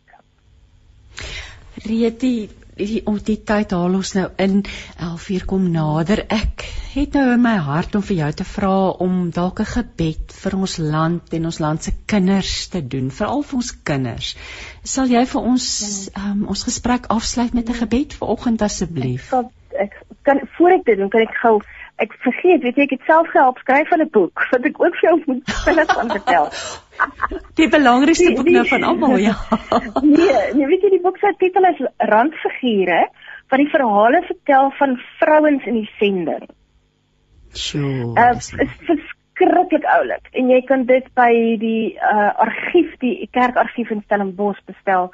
Ons klomp mense saam gewerk ge, uh, en die stories gaan op diep van hierdie ehm um, wat is nou die woord wat ek soek? Maar hierdie dapper vrouens wat hier alleen in Afrika op is en die evangelie gaan verkondig het. Daai stories is so inspirerend om ons voormoeders se stories te gaan opdiep. Maar goed. Kom ons sê. So jy sê die Nee, voordat ek mm. wil graag net vir luisteraars hierdie hierdie boek se naam herhaal. Dis aan randfigure en jy's 'n medeskrywer, so daar's 'n paar mense klink dit my wat saamgewerk het. Die redakteur is Liesel Liesel Joubert en Isabel Murray. Daar sê Liesel Joubert en Isabel Murray en waar kan mense die boek in die hande kry in Stellenbosch? Uh, by die NG Kerk se argief. By die NG, NG Kerk argief. So as jy belangstel om te lees oor die hierdie sendingvroue van Suid-Afrika. Ja, daar sê so sal jy weet jy vir ons af Ekskuus tog. Ja, nee, ek sê net dis 'n mooi, dis 'n fotoboek, daar's pragtige foto's en alles in die boek. Ag, dit klink pragtig en ja, alles seën vir jou, maar wil jy nie vir ons afsluit met gebed nie asseblief? Ek sal dit doen. Here God, ons loof en ons aanbid U want ons weet U is goed. U is altyd goed. Daar is geen oomblik wat U nie goed is nie. En terwyl ons leef in U goedheid, is daar vir ons oomblikke wat vir ons moeiliker is, oomblikke wat vir ons makliker is. En nou is ons in 'n wêreld wat ons moet leer leef met nuwe vaardighede. En daarom vir ons veral, Here, die kinders aan U opdra. Ek wil bid dat U vir ouers sal sterk maak, dat U vir die ouers krag en geloof en wysheid sal gee, dat U deur U Gees hulle sal toerus dat hulle hierdie klein lewetjies sal kan begelei, sal kan beskerm. Dankie dat u gees ook op ons jong mense rus. Dat hulle kan drome droom en kan gesigte sien. Help ons om by hulle te leer. Help ons om hulle te leer. Dankie dat ons in hierdie uitdagende tye ook by u kan rus. Kan weet u is in beheer. U het oorwin. By U is daar lewe in oorvloed, in oorvloed. En daarom kan ons bid in Jesus se naam. Amen. Amen. Ja, dankie Reti vir die pragtige gebed en seën op jou werk daar in die baai, soos hulle dit ook maar noem, nê?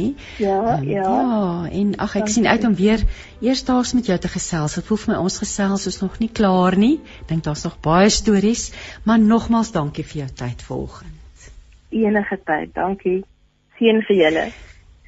Dankie Reti. Kom ons sluit af met musiek. Ek wil dankie sê vir Woesie Leo vir uh, die tegniese versorging vir oggend. Ag, en liewe luisteraar, mag die Here met jou wees. Ek bid seën oor jou week. Ehm um, mag dit met jou goed gaan. Mag jy veilig voel by God. Mag jy in sy ja, weet jy's word vasgehou in sy handpalm. Ons sluit af met Coffee Snaps wat vir ons sing skuiling. Tot volgende week dan. Totsiens.